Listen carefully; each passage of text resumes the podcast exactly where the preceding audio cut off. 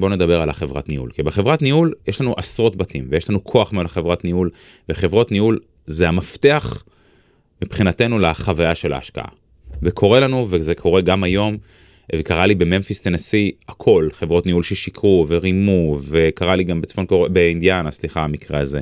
קרה לי קבלנים שברחו, קבלנים שרימו, זה קיים בארץ, זה קיים בעולם, זה חלק מהבנייה של בעצם עסק וכל המערכת שעובדת.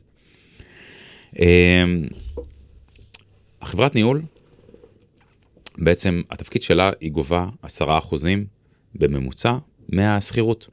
אם אין דייר היא לא מקבלת כסף, אוקיי? יש דייר, אם סתם אני אומר, יש עכשיו אלף דולר שכירות, כל חודש היא לוקחת 100 דולר ומעבירה לכם את ה-900 דולר.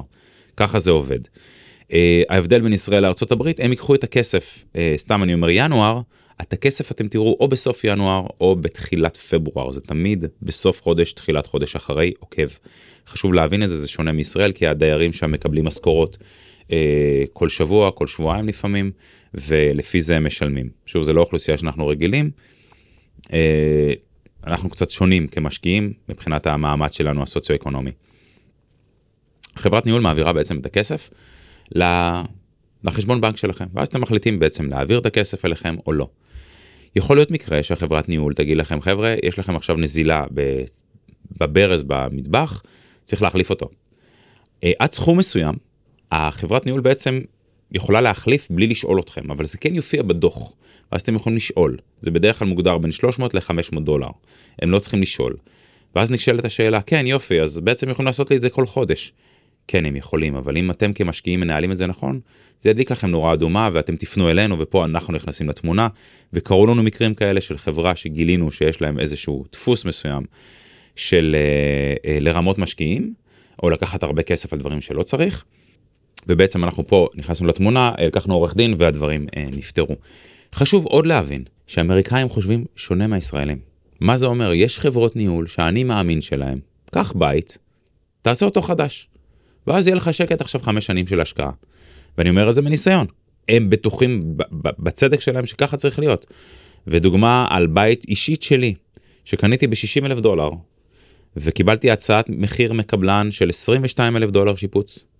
לעשות אותו ברמה טובה מאוד לשכירות, זה קבלן שאני עובד איתו, יש לנו סטנדרט גבוה לשכירות במקום הזה. שלחתי גם את החברת ניהול שייתנו לנו הצעת מחיר. ההצעת מחיר של החברת ניהול 84 אלף דולר. 22 אלף דולר לעומת 84 אלף דולר. כמשקיע כמובן שאתה בראשון אתה אומר או שמרמים אותי או שאנחנו כאברטיס אה, המלצתם על מישהו שהוא פשוט אה, נוכל או שאתם נוכלים אני לא יודע לא בדקתם את הבית לפני כמו שצריך לא זה לא המקרה.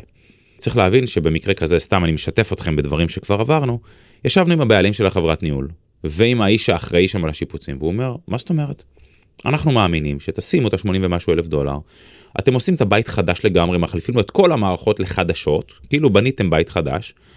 ואז יש לכם שקט. אנחנו אומרים להם, נכון, אבל מדובר, אם הבית עלה 60 אלף דולר, ופה שמנו 80 ומשהו, מדובר על 140 ומשהו אלף דולר, with all due respect, אה, עם כל הכבוד בעברית.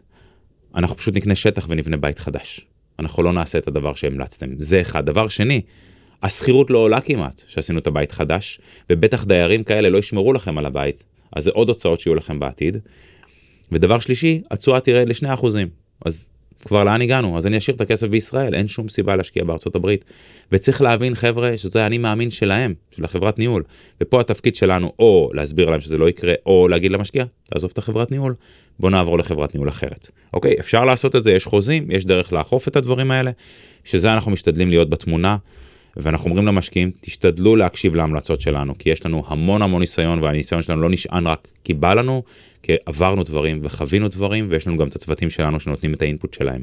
אז ציינו שהעסקה בעצם מתחילה לעבוד נכנס דייר הדייר בדרך כלל משלם deposit של חודש אחד הוא משלם את זה שם את זה כזה יושב בחברת ניהול.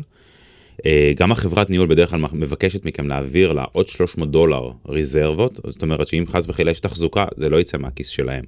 אם עכשיו פתאום קרה משהו ולא נכנסה שכירות וצריך להוציא כסף, הם לא יוציאו, יוציאו את זה מהכסף, מהכיס שלהם, זה הגיוני, תחשבו שהם מנהלים מאות בתים, ואם עכשיו זה קורה סתם ב-20 בתים, הם לא אמורים להוציא, ויש תחזוקה סתם של 300 דולר, תכפילו את זה לבד, זה 6,000 דולר, אין שום סיבה שהם יוציאו את זה. מהכיס שלהם כל חברת ניהול יש להם את הדרך שלהם, ואנחנו צריכים לקבל את זה או לא, אי אפשר לשנות אותם. כן אפשר להחליף חברת ניהול.